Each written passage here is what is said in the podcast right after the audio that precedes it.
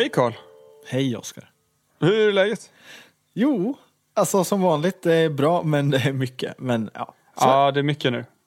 men det är kul, för att alltså, varför det är mycket, det är ju för att man har det här liksom, vardagliga, vardagliga i, i livet. Och jag exjobbar ju och, och allt det här, men nu är det extra mycket kanske för att vi, vi förbereder ju för allt för sjön, mässan.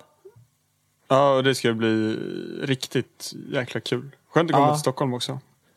Det ska bli jätteskönt eh, och kul och ja, men det, det är ändå det är mycket fix. Men jag ser fram emot det. Mm. Jag, jag kom ju på idén Karl, vi pratade om det, att vi måste ha eh, muggar. Det känns väldigt eh, radio. Jag tänker ju Nile City när de sitter där med sin Nile City-mugg. Vadå, vad tänker du då? Tänker du typ en, en vit mugg med ett klistermärke Ja, men precis. Som eh, med Sjölivet-loggan på. på? Ja, Enkelt. men det kanske vi ska fixa. Surpla kaffe. Ja, men det borde inte vara så svårt att fixa, kan jag tycka. Nej, det, det där hinner vi lösa. Det vore ju drömmen. Det gör vi. Alltså, har vi lyckats eh, lösa en eh, roll-up och en liten receptionsdisk och grejer nu, så då ska vi kunna fixa muggar. Ja, det borde vi kunna lösa, verkligen. Ja, vi ska försöka få lite studiokänsla fast med lite eh, sjölivstema, eller hur? Jag tänkte att vi ska... Ah, ja, ni, vi får se helt enkelt. Jag, har, jag vet inte om du vet om allt än, men jag har ett släp snart fyllt med grejer. Ja, men det, det låter ju lovande i alla fall. Finns eh, potential. Ja, men det bådar gott. Hur är det med dig då? Jo, men det är bra. Men det är också, det har varit mycket länge nu. Men här efter mässan så kommer axlarna sjunka ner en liten bit. Och jag det- tror under ja. mässan, tror du inte det? Eller ja, man är så upp i varv så det fattar man inte riktigt. Sen efteråt då bara sätter man sig ner och bara oh, Ja, pustar ja, ut. det men, eh, men det är lite segt. Det har kommit typ... Eh, alltså det har snöat hela dagen i Umeå. Och det snöade, kom i helgen kom det också rätt mycket. Så att den här vårkänslan som infinner sig så här års vanliga fall är riktigt långt borta. Ja, fast ändå inte här nere. jag är ju nere i Motala. Det var jättemycket snö i förrgår, typ, i lördags. Men eh, nu har det ju, det är åtta plus var det idag tror jag och det har smält alltihop. Så här Ja, börjar ja, det det- vara, eh, ja, här börjar det bli lite vår, vårkänslor ändå. Men ja, jag förstår vad du menar det här med mycket snö och är inte det lite nice? Jag saknar Jo, det men lite. nu vill jag åka båt. Alltså Ja, det var i- i och för 13 sig. minus i morse. Det var inget kul. Frida åkte ju faktiskt Vasan här nu i lördags, eh, öppet Ja. spår. Och eh, hon och hennes far var det som åkte ihop. Och sista biten där så hade de tydligen sagt till varandra och insett lite grann att de, inte, de kunde liksom inte ha det bättre, varken i form av väder eller ja, någonting. Det var liksom sol, det var någon minus, det var snö, det var liksom gli, glid i skidorna och så bara, "Ah, vi gör aldrig om det här va. Nej, det är nog rätt. Det, man slutar när man är på topp. Ja, vi får, får övertala dem att börja med, ski, eh, med segling istället eller något. Ja, men Karl, nu kör vi igång det här avsnittet. Ja, det gör vi.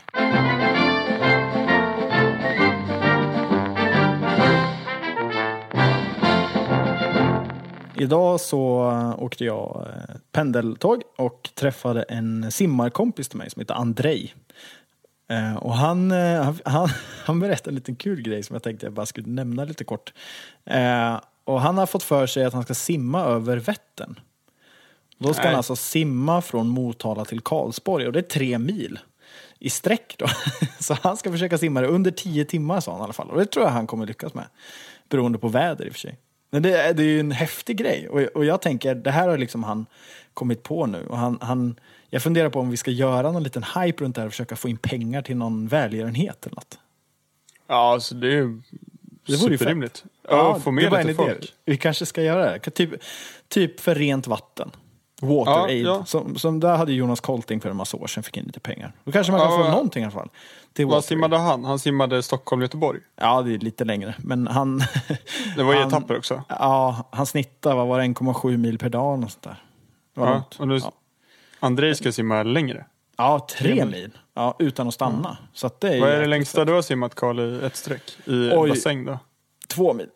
Fast inte Två i mil, sträck, ja. utan då var det i serier liksom. Ja, ju men under ett pass. Ja, men det var ju på träningsläger i Thailand också. Ja, Thailand. Thailand. Ja, och så ja, jag stannade ligger man och jag bara- åt emellanåt. Jag. Mm. Jag kanske Och så gick man och 14. bajsade väldigt länge. så man fick lite vila. Kanske missa några hundra meter. Så det var nog Ja. två, två mil för mig. Men, Typ. äh, Mygla får man göra ibland, så är det. Ja, jag kanske har gjort 14 kilometer eller något. Simmat? Ja. Det var fan Alltså, det värsta. samma som dig i serie. Någon så här sponsorsim inför några eh, läger till Cypern. Ja, bra. Bra, Oskar. Men det är inte tre mil öppet vatten. Det var ju Nej, 14 nej, kilometer det i kortbana i Sollentuna. Ja, men det är en jäkligt cool grej tycker jag på tal om. Alltså, för det är det här. Jag har en fråga som jag tänker att vi ska ställa till alla egentligen på mässan framför allt. Men jag ställer den även nu. Och det är, vad är sjölivet för dig? Du behöver inte svara nu Oskar. Men vi ska fundera på det här. För att sjölivet ju, kan ju vara en så extremt härlig blandning. Det är liksom allt ifrån det här med att simma på öppet vatten till att kanske ja, paddla kanot eller kajak i någon liten sjö. Det kanske är att vara ute och fiska med familj eller med pappa eller brorsan eller vad som helst. Det kanske är att åka vattenskidor. Det kanske är bara det här, liksom vara ute och segla på havet. Och, och, och för mig, nu berättar jag hur jag, vad jag tänker på när jag hör ordet sjölivet. Det första jag ser i mitt huvud framför mig, det är när man har lagt till med båten vid en ö och man hoppar i land. Ja. Just, just den, det, det är någonstans för mig, det är sjölivet. Sen är det ju väldigt mycket mer, men ja, det är ändå en intressant tanke. Hur olika vi kan ha, och det är väldigt brett. Ja, min, alltså just nu är det min just här att, att få komma fram till havet. Om man kanske alltså, gå ut på en brygga och ställa sig eller gå ut på en udde eller bara gå fram till stranden och bara och titta lite och känna att det kanske luktar lite tång. Det Exakt. Andas är in den där havslukten. Ja, det är just nu är väldigt mycket sjölivet Ja. för mig. Men en fu- funderare, och till alla ni lyssnare där ute. då. Ta en liten kort funderare, ni får pausa om ni vill här nu. Sen så frågar ni er själva, vad är sjölivet för mig? Det är nog intressant. Sen så trycker vi på play igen och så är vi tillbaka och sen fortsätter vi Oskar.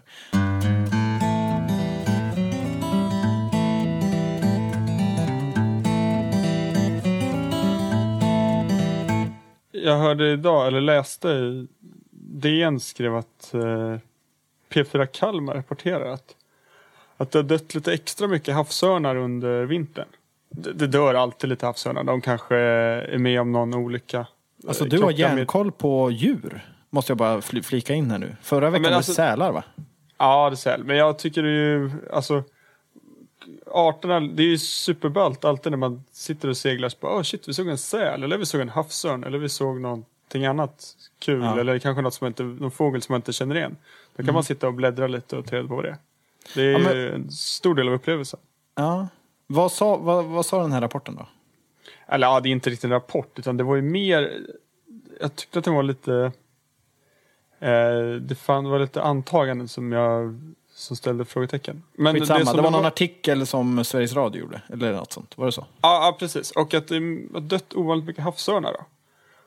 Ett 20-tal ungefär i Kalmar län. Och som jag sa, att de, det dör naturligt havsörnar. Liksom. Man krockar med vindkraftverk. Eh, dör även i fågelinfluensan. Men det är inte den som smittar oss människor. Nähä. Men det som har varit att många, de har haft några de har haft samma symptom många. De har varit apatiska, de har bara snurrat runt och runt när man kommer nära dem, liksom havsörnarna, och inte riktigt klarat att ta sig därifrån. Eh, och det man hittat är att det är förhöjda halt- halter av bly i dem. Och det man antar att det kommer från det är att de eh, har fått i sig det från, eh, från blyhagel. Så kanske jägare har skjutit eh, fågel och eh, eller ja, kanske en andjakt så skjuter man mycket fågel och så har man missat att ta med sig alla. Ja. Så när det kommit någon havsörn och käkat upp den där och på så sätt fått i sig blyhaglet då. Det är förbjudet att använda blyhagel i, i sjöar och våtmarker. Men inte vid kusten. Nähä, varför då? Blyhaglet är fortfarande mer konventionellt. Eh, som används idag. Och sen är det, anses det säkrare också. För det studsar inte på vattnet som stålhagel gör. Ehm, och sen är bly, bly tyngre än stål så att det har bättre skottverkan. Så att det är mindre risk att du skadeskjuter om du träffar med bara några få hagel. En fågel. Ehm, och sen är det snällare mot vapnen också. Men det är, liksom, det, är, det är en trend som övergår till att gå mer och mer mot stål eller andra då. Eh, med miljövänliga alternativ. Oskar, vet du en sak? Jag har, sen jag var ungefär, hur gammal är man när man går i typ ettan? Alltså Sju år gammal. sju, ja men ungefär mellan ettan och sexan. det är många Ja. år där.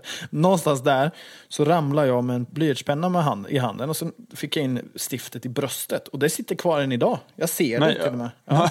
Kommer det in, innebär det då att jag snart kanske blir förgiftad och börjar gå i cirklar? Liksom? nej, nej, för det där också. För att jag pratade om min kompis som jagar ganska mycket.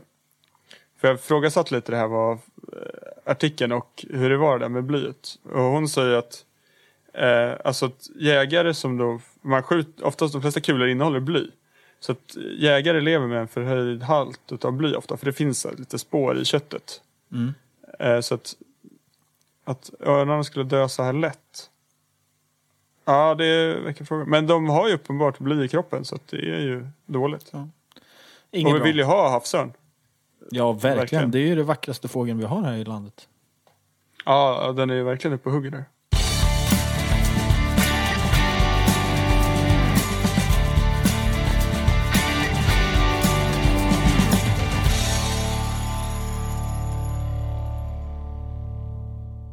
Så här är det, Oskar. Att eh, jag har eh, försökt i alla fall, så gott det går, att översätta en historia som vi ska lyssna på. Eh, den här historien är upplagd på reddit.com eh, under en eh, under en flik som heter No Sleep. Så det är lite, lite scary sådär ska den väl vara. Försök till. Där det då egentligen handlar om en, en eh, fiskare. Och eh, den som har lagt upp den här Eh, historien eh, har eh, använder sig av namnet Pocket Oxford. Så han använder sig av det namnet och det är han som har laddat upp den här. Och jag har översatt den helt enkelt. Och sen är det så att det är jag och min bror som läser in den här. Och jag tänkte att vi ska lyssna på den lite får du, får du se vad som händer. Det här ska bli kul. Eh, eller lite spännande. Vi får se. Jag brukade arbeta som bartender i en liten by i sydvästra delen av Sverige. Det var en liten bar med bara några bord. De flesta besökarna var stammisar. En gammal man i hörnet som alltid sippade på sin öl och läste tidningen. Sällan talandes med någon. Varje tisdag kom två kvinnor i 40-årsåldern till baren. De såg ofta trötta ut och klagade alltid på deras män och deras barn. Byns fyllo brukade komma in under några dagar efter att han har fått pengar från socialen. Tills han insåg hur dyrt det var och återgick antagligen till att supa hembränt hemma på soffan. Varje helg brukade byns yngre generation titta in och störa stammisarna. Så där fortsatte det. Det var inte en fin bar i sig, men det var bekvämligt. Mörk trävägg, ett halvt sekel gamla bilder av byn, några gamla skidor och fiskeutrustning på väggarna. Stället gav liksom en speciell stämning. Det var en grupp män som kom in till baren nästan varje kväll. De hade alla samma utseenden som indikerade att de arbetat utomhus hela sina liv. Stora rynkor i ansiktet som gjorde männen både åldriga men samtidigt inte. Från deras tid spenderat på havet under den oförlåtliga solen. Det var lokala fiskare. Varje kväll kom de in och bytte historier med varandra om deras hårda arbetsdagar över några öl. De satt alltid vid samma bord nära baren. Jag tyckte deras historier var fascinerande och jag försökte ofta göra mitt bästa för att tjuvlyssna. De pratade mest om stora fångster, allvarliga och svåra stormar. Hjältliga bedrifter och sånt. Några historier gick dock annorlunda. Under en väldigt lugn kväll kom männen in och såg ovanligt dystra ut. Jag visste att en fiskare hade försvunnit under stormen för några dagar sedan och jag antog att det var orsaken till deras ledsna aura. Det visade sig senare att en av männen hade varit med när mannen försvann. Han berättade sin historia. Vi behövde våra nät innan stormen skulle komma och ta dem med sig. Ni vet, vi har haft lite dålig tur på sista tiden och vi vill inte riskera att förlora fångsten den här gången. Vi visste att vi tog en risk, men vi var säkra på att vi skulle vara snabba nog innan stormen verkligen slog till. De andra männen vid bordet skakade på huvudena ogillande. En sak jag lärt mig är att här i byn ska man respektera havet. Annars respekterar inte folket dig. Det var svårt att placera mannens ålder. Men om jag var tvungen skulle jag gissa på att det var sent 30, närmare 40. Han hade djupa rynkor i ansiktet och ett imponerande salt och pepparskägg. Vi visste vad vi gjorde. Vi kunde få in näten snabbt innan stormen kom och det fick vi också. Vi var på väg mot land när stormen slog till och ja, det var en kraftig storm men inget större problem. Ni vet, båten kan ju hantera sig själv och hon är stark. Och när vi var färdiga med näten så var det inte så att vi skulle gå runt på däck direkt. De andra runt bordet nickade med huvudena instämmande. Vi är där ute och vågorna blir bara större och himlen bara mörkare. Vi fick upp de sista näten och startade motorn, redo att åka hem, men plötsligt sa Tom något. Den ynkiga mannen stannade upp, tog en klunk av sin öl som om han försökte lugna sig själv. Tom svor att han såg någon i en liten båt som såg ut att ha det betydligt värre än vi. Och jag sa till honom att han såg i syne att det bara var vågorna. Och ni vet hur det kan vara där ute. Vatten överallt och man ser nästan inte över nästa våg. Och det hade precis börjat pissregna helt galet. Så ni förstår att jag inte trodde på honom direkt. Men Tom insisterade att han såg någon där ute, i en mindre båt än vår. Han sa att det var vårt ansvar att hjälpa till. Jag försökte säga till honom att han blivit galen och att det bara var idioter där ute. Men Tom insisterade, fortsatte att peka. Jag kunde inte se någonting. Han fortsatte att skrika till mig att göra något. Till slut så gav han upp och sa åt mig att dra åt helvete och att han skulle gå ut på däck för att se bättre. Jag försökte säga åt honom att stanna inne men han lyssnade inte på mig. Han stod ute på däck, stadig om något, men lät vågor passera. Och plötsligt så vände han sig mot mig och sa något. Så vinkade han brett med sina armar och jag försökte se ut så gott jag kunde liksom genom rutorna. Sen plötsligt så såg jag vad han pekade på. Någonting, så, ja, det hade kunnat vara en båt eller jag, jag vet inte. Innan jag visste ordet av så från ingenstans så kom det en enorm våg och slog över oss i hela båten. Och jag måste inte instinktivt täcka mitt ansikte när vattnet slog mot rutorna. För det nästa jag såg, det var tomt däck. Utan Tom. Mannens röst svek honom en aning och började skaka. Men han harklade sig och fortsatte. Jag skäms att säga att jag fick panik. Ingen Tom, ingen båt, ingen hjälp. Jag försökte kontakta räddningstjänsten men radion fungerade inte av någon konstig anledning. Jag gick ut på däck och jag ropade efter Tom. Jag visste inte vad jag skulle, vad jag skulle förvänta mig. Att han skulle svara eller att jag skulle kunna få honom tillbaka upp på båten på något sätt.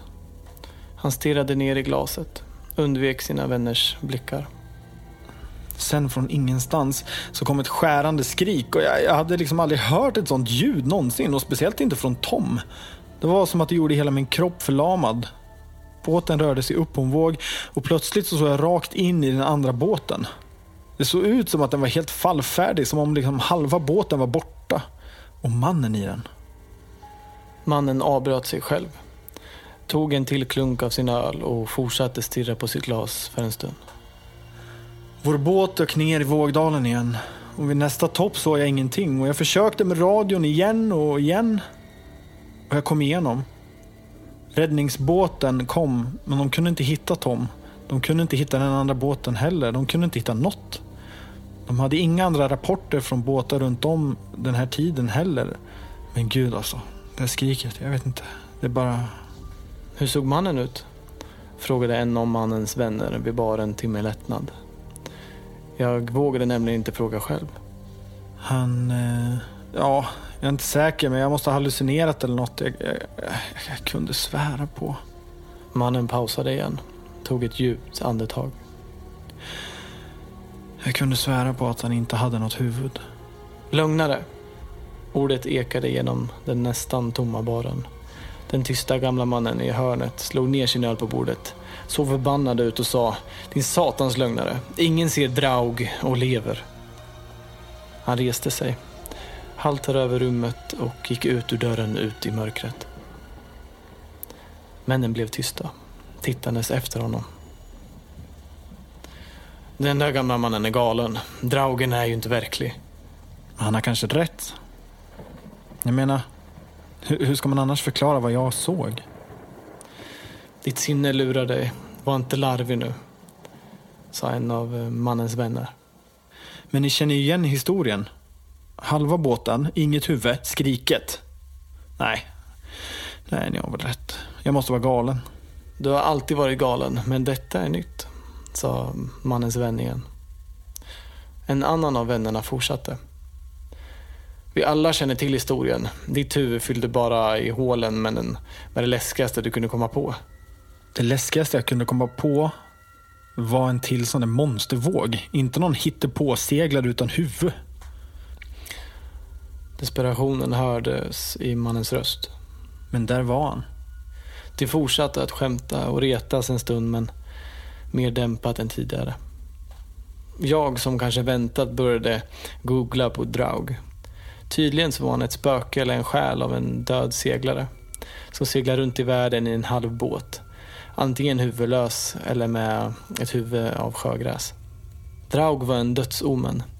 Seglare som såg honom visste att de skulle dö. Jag undrade hur dessa gamla män rättfärdigade att folk kände till legenden om alla som såg Draug dog.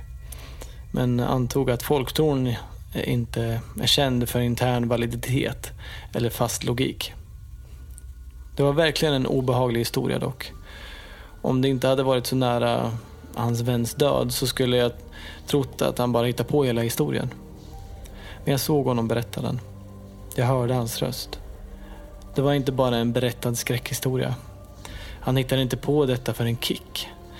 Ja, jag tänkte att den andra killen hade rätt. Att det bara var hans sinne som spelade honom ett spöt. Nästa gång gruppen kom in till baren var det mer högtidligare än någonsin. Jag visste anledningen. Hela byn visste. Han som berättat historien hade dränkt sig själv. I badkaret. Ingela ingenting. Folk sa att det var skulden över vad som hände Tom som hade drivit honom till det. Jag tänkte att den gamla mannen i hörnet hade rätt. Ingen ser Draug och överlever.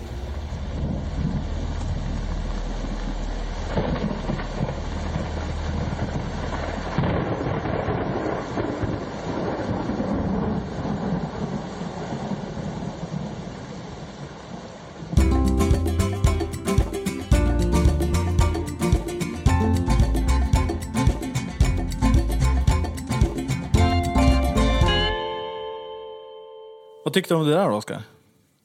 Det är fängslande. Det var ju tycker jag. superspännande. Ja, vad bra. Jag hade först svårt att placera den, eh, alltså eh, när i tid det var. Alltså om det var 1700-tal. Så spa, spa, nej. Sen började med en radio, så okej, det är lite modernare. Så att jag såg först framför mig något gammalt, gammalt, gammalt. Sen Okej. insåg jag att det var kanske ganska nutida. Ja. Ja, jag, jag har inget svar eh, på det, men vad, vad bra. eh, det här i alla fall fick mig att, eh, alltså den är ju lite, ja men lite så här, vad säger man, Ö, säger man övernaturligt? Det gör man. Ja. I slutet där. Och, och det fick mig ändå att tänka på det här med, någonstans så har jag fått för mig att det finns väldigt mycket sådana här liksom, lite spökaktiga sägen och, och historier som går runt framförallt, framförallt bland liksom, båtfolk. Eh, framförallt Mycket, kanske många förr i tiden. vidskepliga. Exakt. Mång, många skeppare eller seglare och sådär som jobbar på sjön är lite vidskepliga. Eh, har jag fått för mig. Eh, och, och jag tänkte då kolla egentligen, har du, känner du till några andra sådana här sägen? Jag vet bara typ svartskägg har man ju hört talas om. Ja, nej, men det är väl... Det väl sjungs ju mycket till sjöss också. På, jag seglar lite skuta. Och då har man ju hört alltså, det berättas lite spökhistorier och... Ja, men det sjungs sånger och berättelser liksom. Det är blandat både lyckligt och, och olyckligt. Brigham Bluebird av Hull. Som förliste där de eh, surrade svensken till Rouge. Den har jag aldrig hört talas om. Nej, jo, du har nog hört den. Det, jag, jag ska skicka den till dig, Karl. Det är en väldigt fin sång. Vad hette det sa du? Brigham Bluebird av Hull. Okej. Men sen är det, vad heter det? Ja, men mest sånger och berättelser och de tänker jag tyvärr inte sjunga upp för er nu. Men, eh, Kan, kan, kan du inte göra det på mässan? ja, men på, ja, kanske kan köra en sångstund då. Eller På Då kvällen. Du får ju några dagar att öva, öva på. på Ja, jag ska sjunga igång stämbanden. Ja men det är lite spännande med sådana här sägen och vad som finns där ute. Och om ni som lyssnar har koll på det här, om ni har något tips på en spännande historia om, om sådana här lite övernaturliga saker kanske, eller något sägen, så hör gärna av er. Eller om ni har någon annan historia, det kan vara hur, ja, om vad som helst egentligen. Eh, vi har några fler på lager som kommer komma här under nästa vecka och sådär. Men det, då får vi vänta, eller nästa avsnitt ska jag säga. Eh, det får vänta tills då, eller hur? Ja.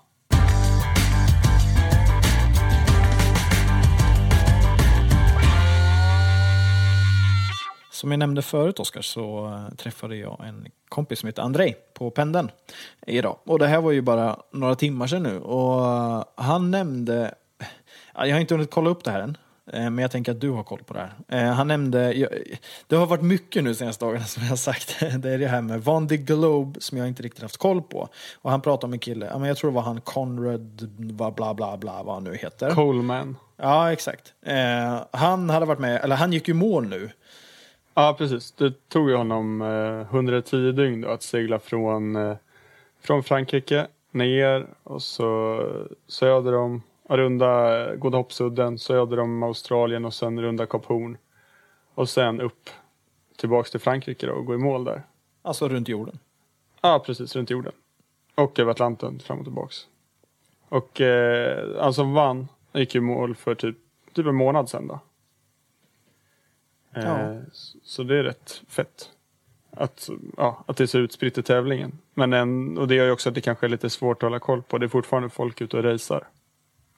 Den här satsningen gjorde vi ganska unik. Eftersom eh, han hade inte med sig några fossila bränslen ombord. Han hade endast solceller och sen eh, en elmotor då, för att driva båten och den kunde han använda som generator. Och sen en stor batteribank. Mm. Det är ju fan sjukt Eh, bra. Ja, det är svinballt. Och det här behövs ju att folk tar steg framåt. Men han, det började tidigt strula för honom. Han fick problem med hydrauliken ombord. Den används både till, eh, eh, till autopiloten då, som är, ja, det är ju nästan det viktigaste man har ombord när man seglar själv jorden runt. För det går inte att sitta och handstyra hela tiden utan man behöver något som hjälper en att styra.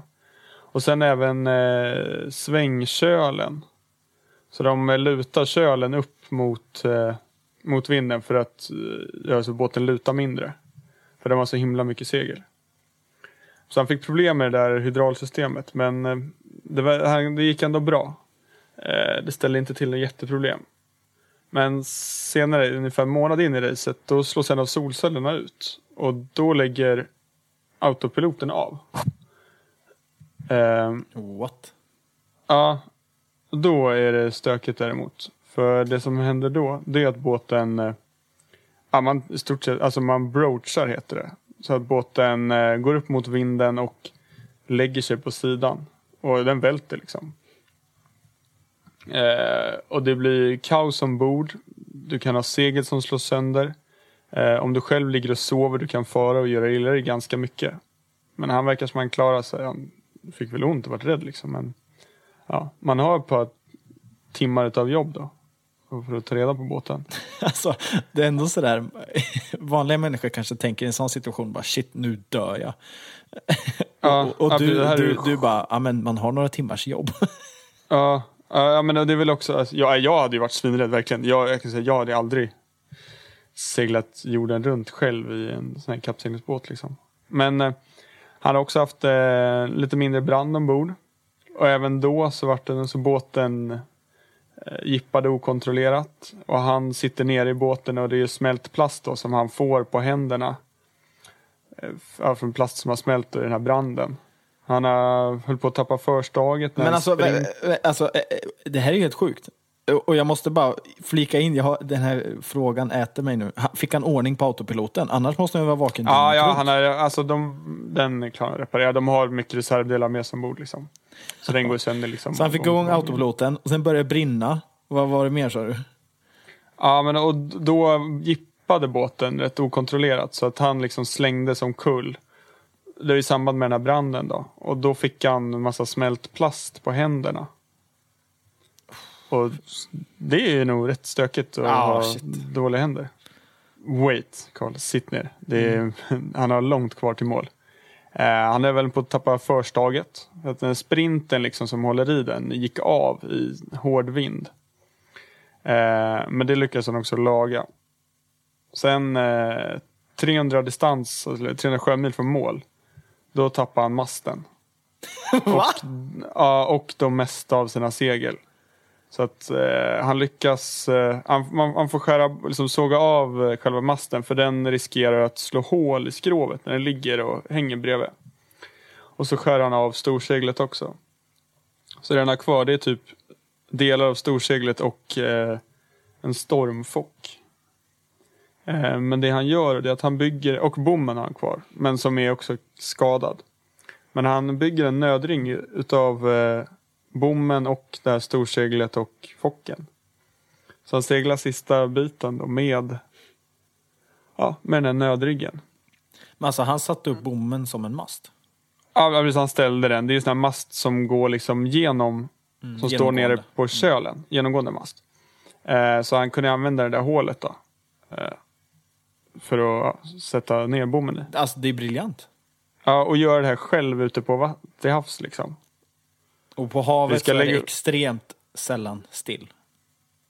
Ja, det är aldrig still. Eh, och ja, så, men vi kommer lägga upp några bilder. Det är en riktigt snygg rigg han byggde faktiskt. Men och sen när han gick i mål då så är han superhyllad liksom. Att det har varit eh, ett jättespännande att följa honom. Eh, Ja, shit alltså. Vilk, vilken... eh, ja. ja, nej, alltså att vara med om allt det där själv på en båt mitt ute i ingenstans och ändå ta Och sig mål. man- Alltså en vanlig människa hade väl brutit för länge sedan? Eller? Ja, ja, verkligen. Han sa det lättare varit att bara lägga sig med svansen mellan benen och krypa undan. Men och grejen är också att, för då när han, han tappar ju jättemycket fart. Han börjar göra kanske 5-6 knop istället för 15-17 knop s- med den här nödriggen då. Och han har ju inte hur mycket mat som helst heller med sig. Så han får ju börja ransonera på maten, så han äter ju väldigt lite nu de sista dygnen också. Eh, men han var ju fruktansvärt beslutsam på att gå i mål. Har de ingen sån här nöd, eh, nödmat med sig? Jo, men säg att du kanske räknar att du ska tävla i, ja men jag, jag tror jag kommer ta 90 dagar. Då har jag med mig mat för 100 dagar eller för 105 dagar. Men när du passerar den tiden, vad gör du då? Ja, shit alltså. Så att på slutet så börjar man liksom rans, rationera med maten och äta mindre för att ha mat i fler dagar. Men de får inte ta hjälp av andra för att få mat, eller? Nej, ingen utomstående hjälp. Men sen då under presskonferensen efter han gått i mål, då kom det fram mer. Och det visade sig att han även har spolats över bord en gång under racet. Det här visste inte hans, ingen om. Eller kanske short teamet, hans lag liksom. Men inge, inte media eller eh, hans familj. Men då satt han ju fast med lina, antar jag då, självklart. Ja, precis. Han var uppe och fixade eh, till storseglet och eh, så gick en revlina av då, eller en knut gick upp eller på något sätt då. Så att han kastades i vattnet av bommen och han satt fastspänd i bommen. Eh, så han var hängandes en liten bit utanför båten liksom och släpades. Han gjorde fortfarande ganska bra fart. Eh, och han nådde inte till båten då, så han hängde bara där i linan. Men så till slut så, så kom det en våg då som gjorde att eh, han, eh, han liksom hamnade så pass nära båten så han fick tag i den. Så han, han får tag i eh, ja, något beslag eller ett fäste på båten och blir hängandes i det. Men då är liksom hans säkerhetslina spänd så han kan inte ta sig ombord medans han har på sig säkerhetslinan och fortfarande ligger i vattnet. Så det han gör är att han med ena handen så får han hålla i sig och den andra handen får han ta av sig säkerhetsselen. Alltså tappar han kunna- där så dör han. Ja, ja, precis. Då är det kört. Och han lyckas med det här och tar sig tillbaks ombord. Vilket är helt sjukt. Alltså det... Alltså det han har gjort och varit med om, det är... Det är mer än vad liksom tre generationer är med om till havs. Nej men alltså det är, det är så satans läckert. Nej, jag, ja. ja. Du Chris, han är också första nyzeeländare som har eh, fullföljt racet. Och den första någonsin som har gjort det helt utan eh, fossila bränslen. Han är kungen i djungeln. Ja, ja, verkligen. Ja, jag vet inte vad jag ska säga. Helt fantastiskt. Ja, vi ska ju på båtmässan Carl. Ja, det ska vi. Eh, och jag har faktiskt gjort en liten lista här, Oskar. på det är några grejer som händer under mässan som jag ser fram emot. Och jag har tagit fram några grejer som jag, jag definitivt inte tänker missa. För det är ju så här, under, under mässan så är det ju lite föreläsningar eh, som kommer ske. Och det finns ett schema på hemsidan altfortion.se eh, där man kan gå in och kolla programmet då för vad som komma skall under mässan. Men jag har tagit fram eh, ska vi säga, en, två, tre, fyra, fem, sex stycken saker jag tänker göra i alla fall. Highlights liksom. Ja, eller de två första... Ja, för, ja, de två första kanske är lite, inte sådär super kanske. Men, men ja, de är väldigt intressanta. Eh, det första jag i alla fall tänker titta på, det är att de har någonting de kallar för Optimist Challenge 2017. Vet du vad det här är för något? Nej, eh, berätta. Eh, det är så att på 60 och 70-talet så byggdes det alltså typ tusentals optimistjollar i trä i källare runt om i hela Sverige. Ja. Liksom. Det byggdes väldigt mycket optimistjollar. Eh, och sen då i samband med båtmässan här nu så är eh, lite nybyggaranda säger de här tillbaka. Då är det massa båtklubbar som ska bygga sin egen klubbjolle i plywood, marin plywood. Så ja. ja, det är så jävla fett. Så, så då blir det så här. Sen står det då att utmaningen manifesteras med en avslutande regatta där bland annat den bäst designade båten utses. Så de ska alltså bygga i plywood eh, egna optimistjollar här. Eh, Ja, schysst. Ja, eller hur? Eh, och det här kommer vara på mässan den 10 till 12 mars. Så det är ju sista helgen då. Mellan klockan 10 på förmiddagen och klockan 18 på kvällen. Eh, så det tänker jag titta på. Jag tror det blir jättekul att se. Det var jättekul för att för kanske tre år sedan då Hamnen.se som är Claes Olivenkrona i spetsen som körde något, eh, en drive att de skulle bränna optimisten att det var en jävla skitbåt. Ja. För att kidsen borde få segla ballare grejer. Mm. Och då var det ju jäkligt stor uppståndelse. Men det verkar svalnat och nu. Optimisten är... Alltså det är den största klassen att segla, som nybörjarklassen. Ja, men det är, jag tycker det är perfekt, eller? Ja, ja, ja verkligen. Eh, och sen då för barn, tänkte jag då. Det här tänkte jag att kanske framförallt till dig då, Oskar. Här, Ja, Eller kanske jag som är, det är nog jag som är barnet av oss två i och för sig. Ja. Jag kommer aldrig växa upp, Oskar. Så är det faktiskt. Nej, Nej. Ibland önskar jag att jag lekte med lego och bilar fortfarande. Jag, jag, ja, jag längtar nästan att man ska komma få barn så man får liksom, man kan skylla på att. CSN-lånet kommer väl betalas av Carl. Det är lugnt. I alla fall, för barn då framförallt, så är det så här att det finns en teaterföreställning som heter Kapten Svartskägg. Eh, I samband då lite grann med de här lite ja, gamla eh, sägen och sådär. Så är det Kapten Svartskägg och den magiska skattjakten. Så Oj. det är en eh, teaterföreställning som man kan eh, gå på. Och, Kan eh, inte börja med. Nej men eller hur? Jag rekommenderar Ja, varmt. spännande. Så det är ni som har barn där ute, ta er och, och, och locka lite bara med, med, med det där helt enkelt. Sen för oss eh, lite mer vuxna så är det, det är lite fler grejer. Först och främst så är det en tjej som var med förra året också tror jag. Laura Decker. Det vet du vem det är Oskar? Ja. Ja, hon uh, seglade jorden runt. Exakt. Hon var inte så gammal när hon gjorde det. Världens yngsta. Hon var väl typ 16 då va? Eller? Något sånt. Ja, något sånt. Det var, det var riktigt mycket snack om det där om, i och med att hon inte var mogen och att det ansågs, alltså det var typ snack om att hon skulle eh, bli stoppad av myndigheterna. Det var så pass? Ja, det var. Oj, Eller det var folk som föreslog det. Vet Ja. inte. Ja, Det var folk som var avis tror jag. Ja. Nej, men hon kommer i alla fall, Laura Decker, och eh, henne vill jag lyssna på. En, eh, jag tror det är inspirerande och eh, ja, men just det här att våga ta steget liksom. Eh, Mm, hon seglade själv runt ja, jorden. Ja, ballt.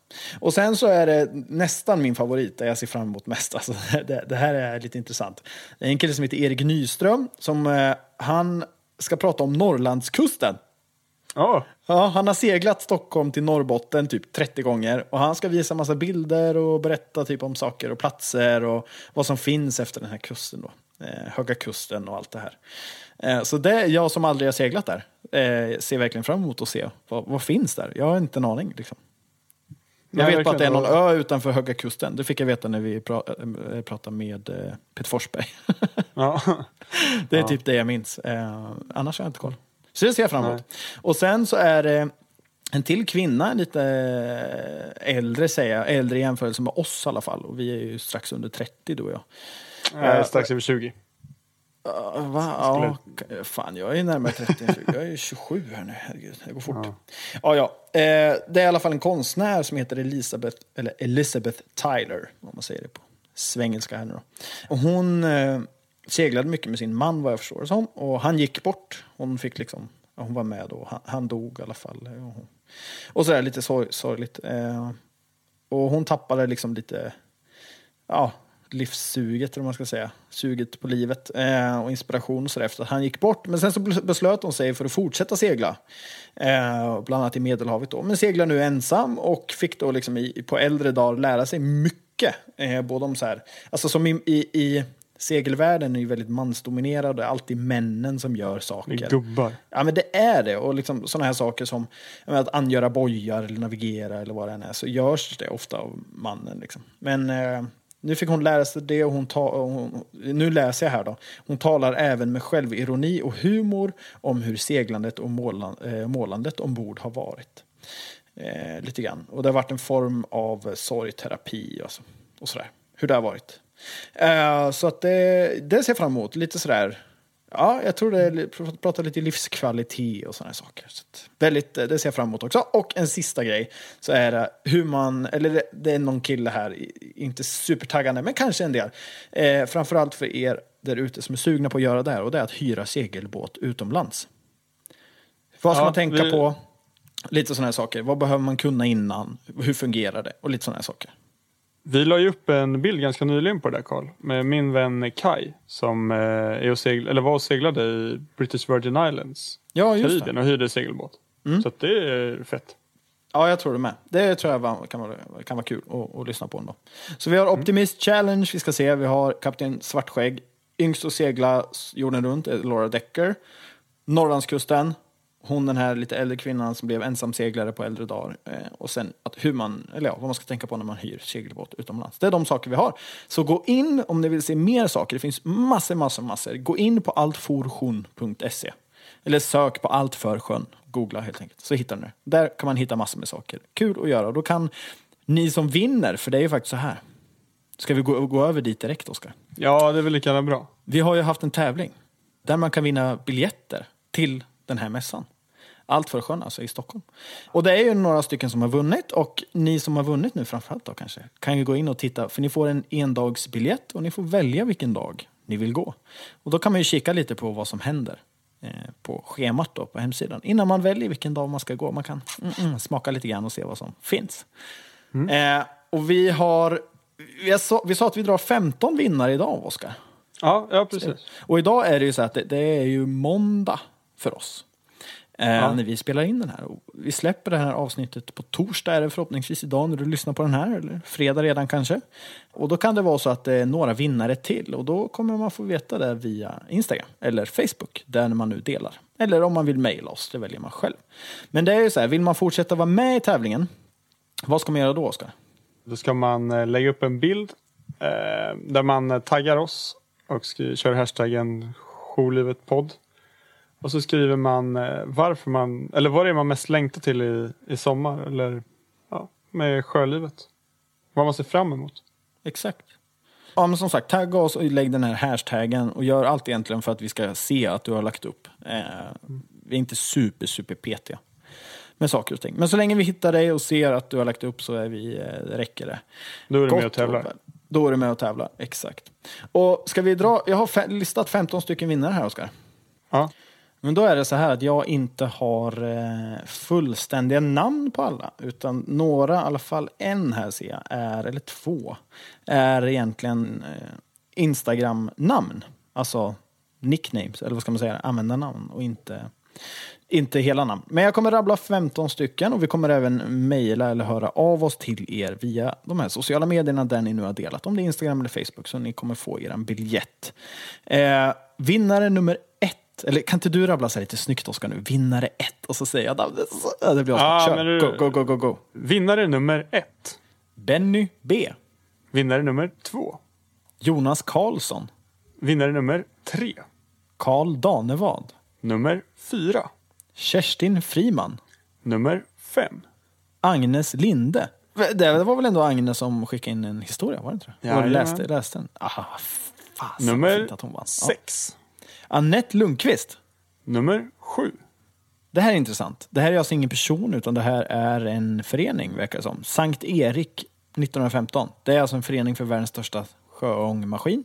Ja, så? den eh, gamla isbrytaren som ligger utanför Vasamuseet. ja, och jag vet inte vem där som eh, delade den här bilden egentligen. Men de har vunnit en eh, biljett. Ja, det är bra. Nummer åtta. Karl Dössling. Nummer nio. Oskar Björklund. Nummer tio. Lasse Nilsen. Nummer elva. Per-Arne Fält. Nummer tolv. Fredrik Gran.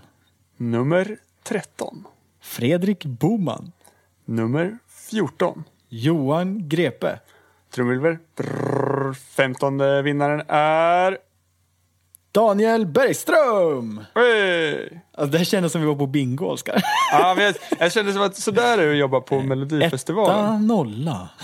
Ja, nej, jag kände mer så här att... Deux points Swed. Alltså så här, Ja, du så. Melodifestivalen. Poäng. Ja, ja. Ja. Det var kul. Men det här var alltså 15 stycken vinnare till båt, äh, biljetter till båtmässan Allt för sjön. Och, och det är ju så här att vi har ju fortfarande några biljetter kvar. Så vill man vara med och vinna, det har du redan berättat Oskar. Men då lägger man alltså upp bilden, man taggar oss eh, och ser till så att vi ser det och gör en hashtag Sjölivet-podd. Så ska vi se till att eh, ja, få med er i tävlingen helt enkelt. Och det är så att vi kommer skicka ut en eh, pdf med en kod den använder ni bara när ni kommer till eh, båtmässan helt enkelt för att komma in. Och det är en dagsbiljett, ni får använda den när ni vill.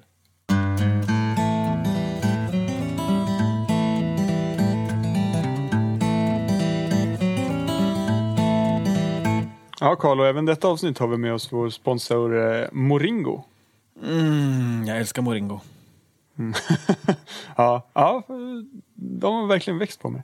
Det är Jag härligt. gör det. Jag gör det. Och vet du, de har faktiskt en ny grej också. En till sak. En, en nyhet. Eller vad vi nu ska kalla det.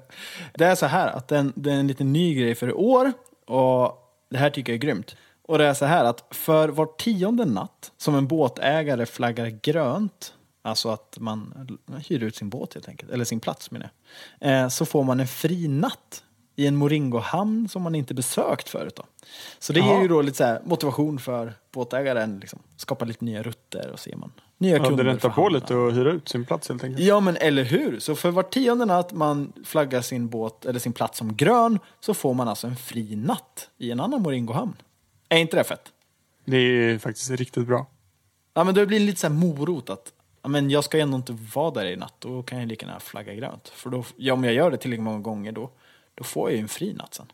Så för er som kanske är nya i podden, ni lyssnare där ute, och inte har koll på vad Moringo är. Oskar, kan inte du dra en kort version här nu då? De låter eh, dig och din båtklubb eh, hyra ut din båtplats när du inte använder den via en app. Så det du gör det är att du fyller i hur stor båt du har. Du fyller i både hur stor eh, båt du har och hur stor båtplats du har. Och sen så söker du efter nya båtplatser eller så väntar du på att någon kommer och ja, hyr din båtplats medan du eh, inte använder den. Och det här gör ju att eh, båtklubben får lite extra pengar. Eller om det är din egen privata brygga som du har möjlighet att hyra ut en båtplats på. Då, ja, då får du pengarna själv. Och det är ju så här att det- är ju hamnen måste vara med på det här. Så att man inte gör något helt själv. Så gå eller skicka ett mejl eller vad fasen som helst och prata med din hamn, din hemmahamn helt enkelt. Så till största sannolikhet så kommer de vara väldigt positiva till det här. För att det enda det gör är att man får in mer pengar till klubben. Man kan rusta upp saker liksom, som bommar och allt vad, nu, vad man nu behöver. Så tack Moringo! Tack. Vi är ju faktiskt sponsrade av Marinkraft också, Oskar. Marint bemanningsföretag som ser till att ha det bästa folket på rätta platsen i rätt tid. De är riktigt duktiga på att ha, hitta bra folk. Och, ja, som hjälper då antingen företag att eh, ja, kunna genomföra stora projekt. Eller dig som ja, marint proffs och, och hitta schysst arbetsplats. Och de kommer vara på båtmässan så eh, hitta och snacka med dem där.